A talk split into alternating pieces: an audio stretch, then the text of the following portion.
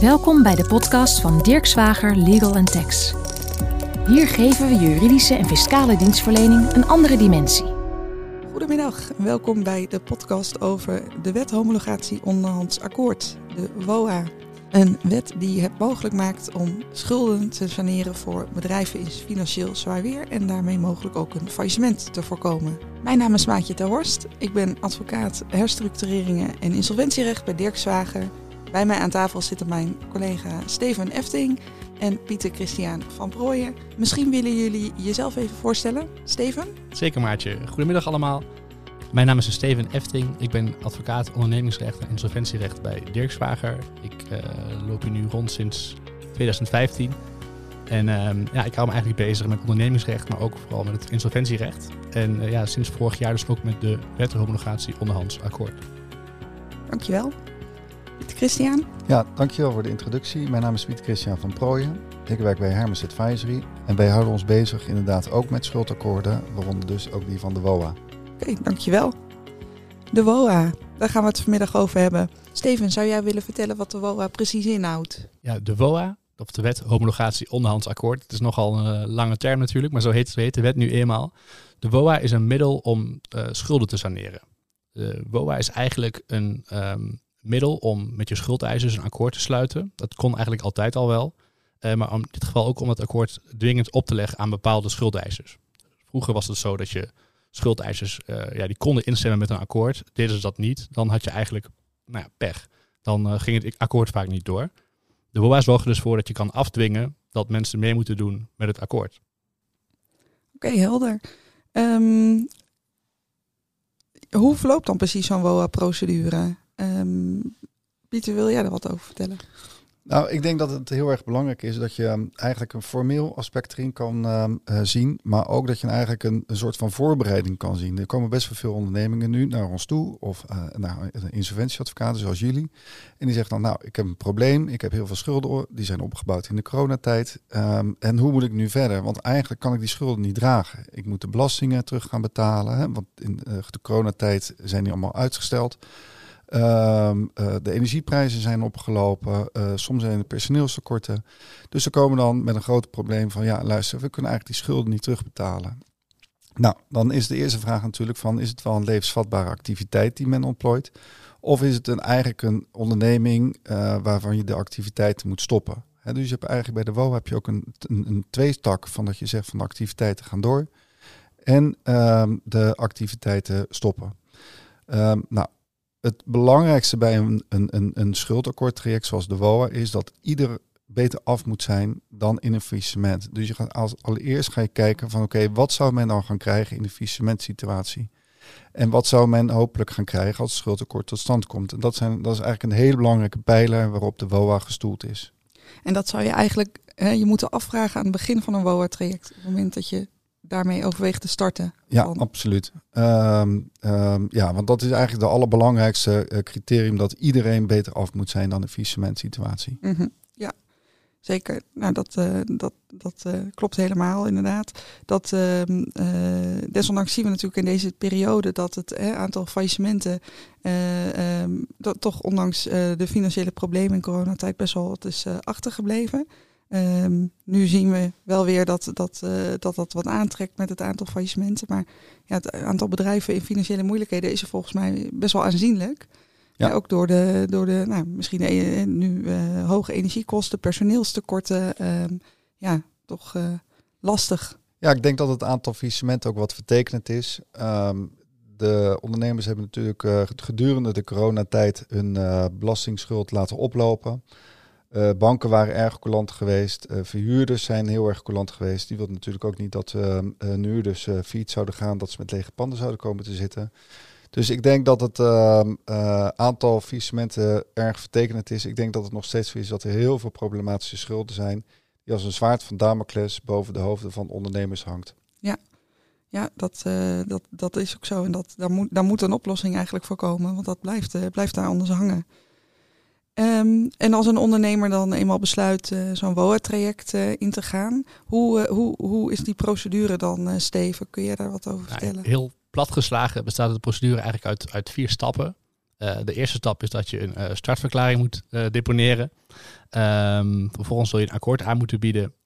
komt er een klasseindeling, wordt er gestemd over het akkoord. En vervolgens volgt dan de homologatie. En de homologatie betekent eigenlijk de verbindend verklaring van het akkoord door de rechtbank. En wat bedoel je precies met klasseindeling? Er zijn verschillende soorten schuldeisers. Um, uh, Pieter Christian zei net al dat je het moet vergelijken met de faillissementsituatie. Je mag niet, niet nou, in een WOA-traject mag je niet slechter af zijn dan in een faillissement. Maar in een faillissement hebben verschillende schuldeisers ook verschillende rangen. Dus je hebt bijvoorbeeld een bank die uh, kan zich misschien op een onroerende zaak verhalen door middel, van een hypotheekrecht. Uh, of die kan vordering op debiteuren uit gaan winnen. Um, ja, die heeft dus een hogere rang dan een normale crediteur. En die komt dan in een aparte klasse? Die komt dan in een aparte klasse, ja. En per klasse wordt er dan gestemd, begreep ik? Er wordt per klasse gestemd. Um, en het uh, interessante aan de WOA is ook, en nu komt echt een hele backbreaker eigenlijk, dat, dat je in de WOA de cross-class cramdown hebt. Nou, dat is een heel uh, Engels begrip, want hè, de WOA is ook geïnspireerd op, op anglo-saxische uh, regelingen. Um, en dat houdt eigenlijk in dat als bepaalde klassen voorstemmen, dan kun je een andere klasse die tegenstemt, kun je verplichten om met het akkoord mee te doen. En dat maakt het akkoord dan een dwangakkoord? Ja, want stel, stel bijvoorbeeld dat uh, de Belastingdienst in de klasse zit en andere schuldeisers. Uh, en de Belastingdienst wil niet meedoen. Nou, dat zou kunnen. Dan kun je dus door middel van de cross-class cramdown onder omstandigheden de Belastingdienst verplichten om met het akkoord mee te doen. Ja, duidelijk. Oké. Okay. Um, en waarom zouden nou eigenlijk ondernemers, uh, Piet Christian, wat, wat vind jij ervan? Waarom zou een ondernemer nou een WOA-traject moeten over, overwegen? Wat zijn nou eigenlijk de voordelen daarvan? Nou, allereerst doe je het natuurlijk om de schuldenlast draaglijk te kunnen maken voor de onderneming. Um, het, het, is niet een, een, een, een, een pretje, hè, heel het traject. Uh, het kost best wel wat voorbereiding. En uh, mensen komen ook dan vaak toch wel echt met problemen, gaan ze zo'n traject pas in.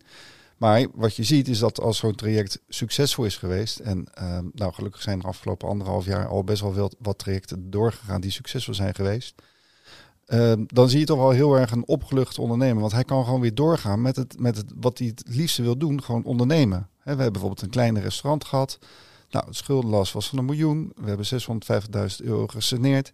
Nou, uh, daarmee kon de ondernemer gewoon weer zijn restaurantactiviteiten continueren.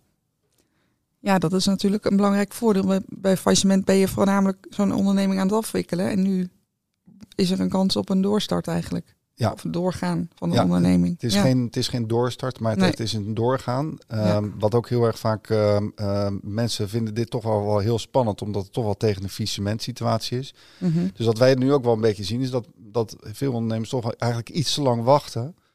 En dat je daarmee eigenlijk hele belangrijke tijd uh, ja, verloren gaat. Want zolang je nog eigenlijk liquiditeit hebt, dan heb je ook nog mogelijkheden om het traject goed voor te bereiden. Um, en dan is de kans op succes vaak veel groter dan dat je eigenlijk al één voor twaalf, nou ja, één over twaalf bij ons aankomt kloppen. Ja, precies. Want ik, ik herinner me nog dat uh, eerder werd gedacht van nou, hè, binnen uh, zes tot acht weken of, of drie maanden zou zo'n traject doorlopen kunnen worden. Maar volgens mij is de praktijk helemaal niet zo dat dat zo vlot gaat. Heb je eigenlijk best wel wat, wat langer soms de tijd nodig. Wat is, wat is jouw ervaring daarin? Ja, dat hangt heel erg af van uh, uh, de complexiteit van de casus. Mm -hmm. uh, we zijn betrokken geweest bij uh, bijzonder complexe zaken. daar duurde het soms nou ja, zes weken, of sorry, zes maanden tot met, nou we hebben ook acht, negen maanden gezien. maar we hebben ook een, een, aantal trajecten gezien waarbij we het echt als een soort van militaire operatie hebben voorbereid. en dat het toen echt binnen, nou pak een beetje het formele traject binnen vier weken gedaan is. Ja, precies. Ja, ik denk dat er ook een belangrijk verschil zit. Dat de, de, de procedurele, de, daar zitten dan termijnen aan, maar het, het vergt natuurlijk heel veel voorbereiding. En daar heb je ook gewoon de nodige tijd uh, voor nodig. Ja, en, ja. ja, dat klopt. En er zijn een aantal formele uh, tijdslijnen natuurlijk. Uh, als je het, wat wij eigenlijk hebben gezegd, is dat je een, een de belanghebbende moet gaan informeren dat het traject gaat lopen dat je ook hun de mogelijkheid biedt om uh, de schulden die ze hebben, de vorderingen die ze hebben op de onderneming te valideren. Uh, dan gaat er een conceptvoorstel naar die schuldeisers toe. Daarop kunnen ze ook weer reageren. Van ben je het er mee eens? Is je zekerhedenpositie goed? Et cetera, et cetera. Um, en dan wordt het definitieve akkoord al voorgelegd waarop ze kunnen gaan stemmen. Nou, die stemperiode um, die is aan wettelijke termijnen gebonden. Nou, als die stemming voorbij is, dan moet je het ook weer aan de belanghebbenden voorleggen, wat de uitslag is. Dat kost ook weer, dat is ook weer een acht dagen, naar, uh, meen ik. Nou, en daarna kan je net, als je geen 100% consensus hebt, want als je 100% uh, instemming hebt hè, van de belanghebbenden, hoef je geen eens meer naar de rechtbank toe. Mhm. Maar als je dat niet hebt, dan moet je natuurlijk nog naar de rechtbank toe. Dus, Ja. dus, dus dat is een beetje eh, het- de procedure in het kort. Precies, ja. Steven, jij bent ook wel betrokken geweest bij de begeleiding van schuldeisers hè, die te maken krijgen met zo'n eh, WOA. Wat valt jou eh, op in de praktijk? Wordt daar toch wel veel gebruik gemaakt eh, van de rechten die zij hebben? En eh, ja, waar, waar lopen zij tegenaan? Ik merk vooral dat schuldeisers zich in een vroeg stadium al op ja, een beetje in informele wijze kunnen uitlaten. Hè. Dat bijvoorbeeld als er een verzoek tot, eh, nou, bij de rechtbank voor ligt, dat schuldeisers worden gevraagd om een zienswijze in te dienen. Nou, zo heb ik bijvoorbeeld een keer geval gehad van van een ehm, nou, was een partij die wilde een WOA-traject gaan doen, ehm, ehm, maar die gaf niet helemaal nou ja, openheid over al wat er speelde. Zo hadden wij bijvoorbeeld informatie, of wij bedoel ik, mijn cliënt had informatie dat het eigenlijk helemaal geen onderneming was van deze persoon zelf, maar dat het eigenlijk zijn zoon, nou ja, het was een eenmanszaak, het was eigenlijk gedoemd te mislukken, leek het. Maar ja, als er geen verweer wordt gevoerd in zo'n procedure, dan komt de rechtbank daar niet achter. Dus het is heel goed dat de rechtbank dan ook zienswijzers vraagt aan eh, crediteuren. En dat je door middels van zienswijze rechtbank kan informeren over ja, wat je zelf van het akkoord vindt. Dus, dus het is, je kunt zeggen dat de WOA aan de ene kant een formeel traject is, maar voor- als schuldeiser is het denk ik ook wel vrij informeel te benaderen. Mhm.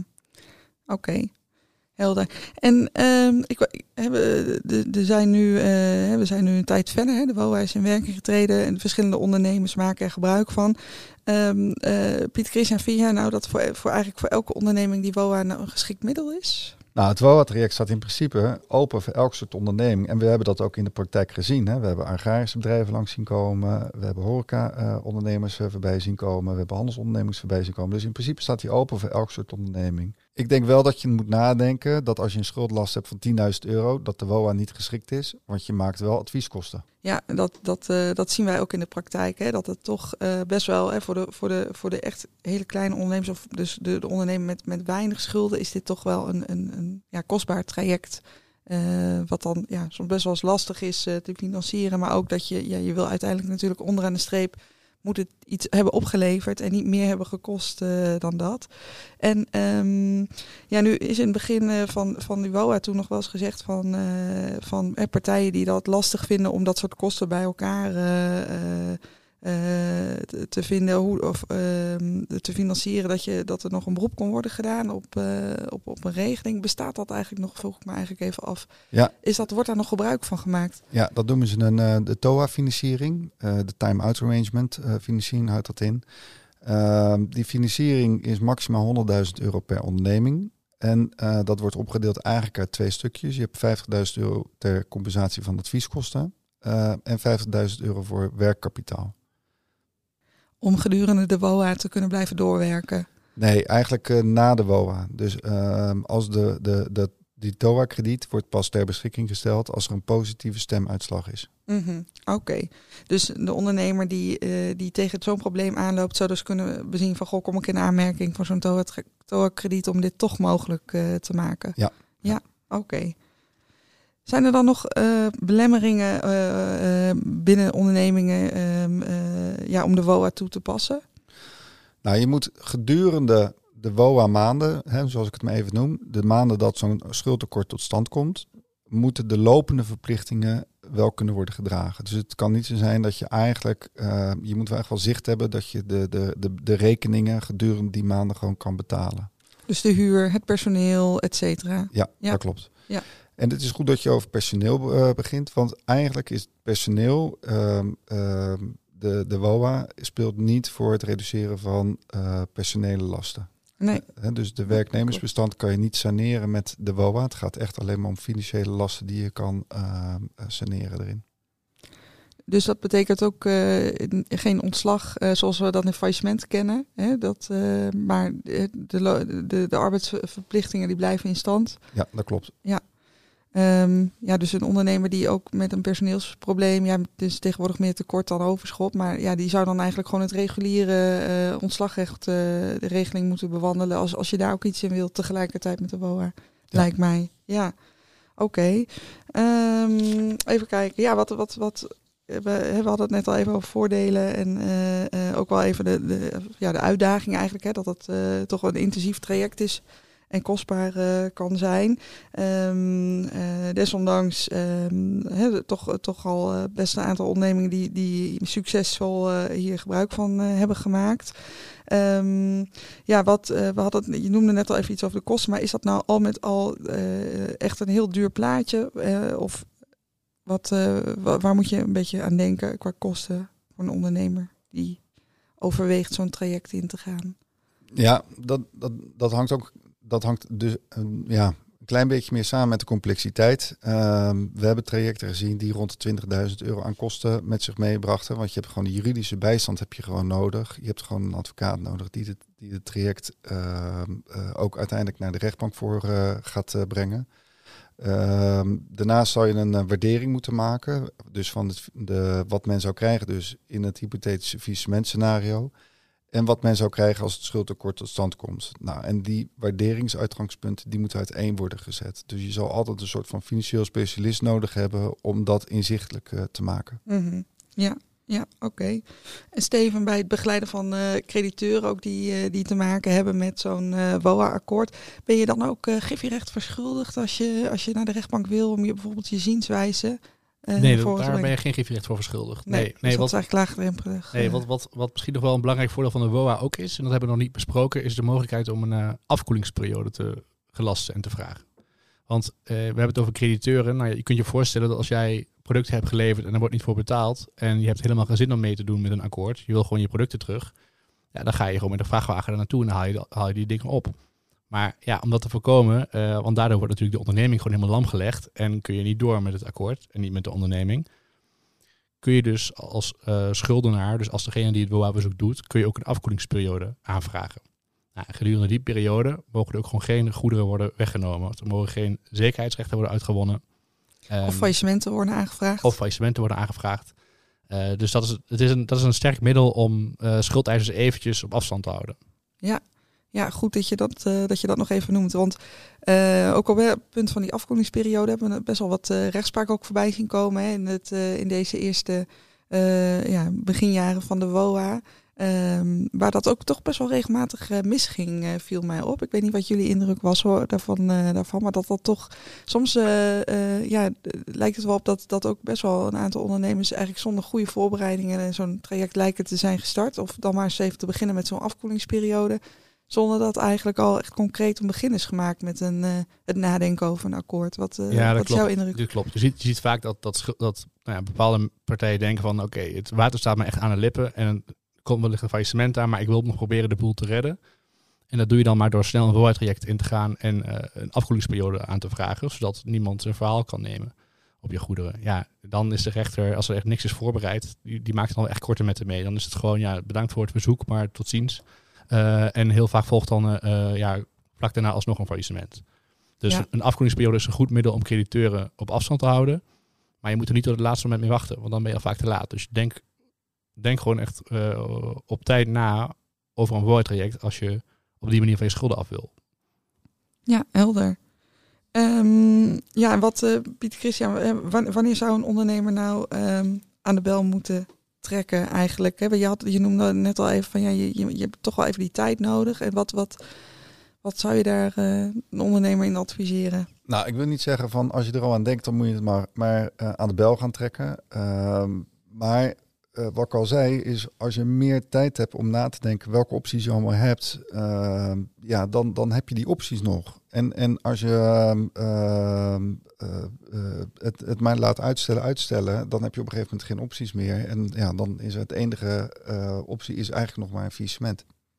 Ja, dus ja, niet wachten tot het 1 voor 12 is, maar echt wel een stukje ja, eerder. proactief erin zitten. Ja, ja, ja, ja, duidelijk.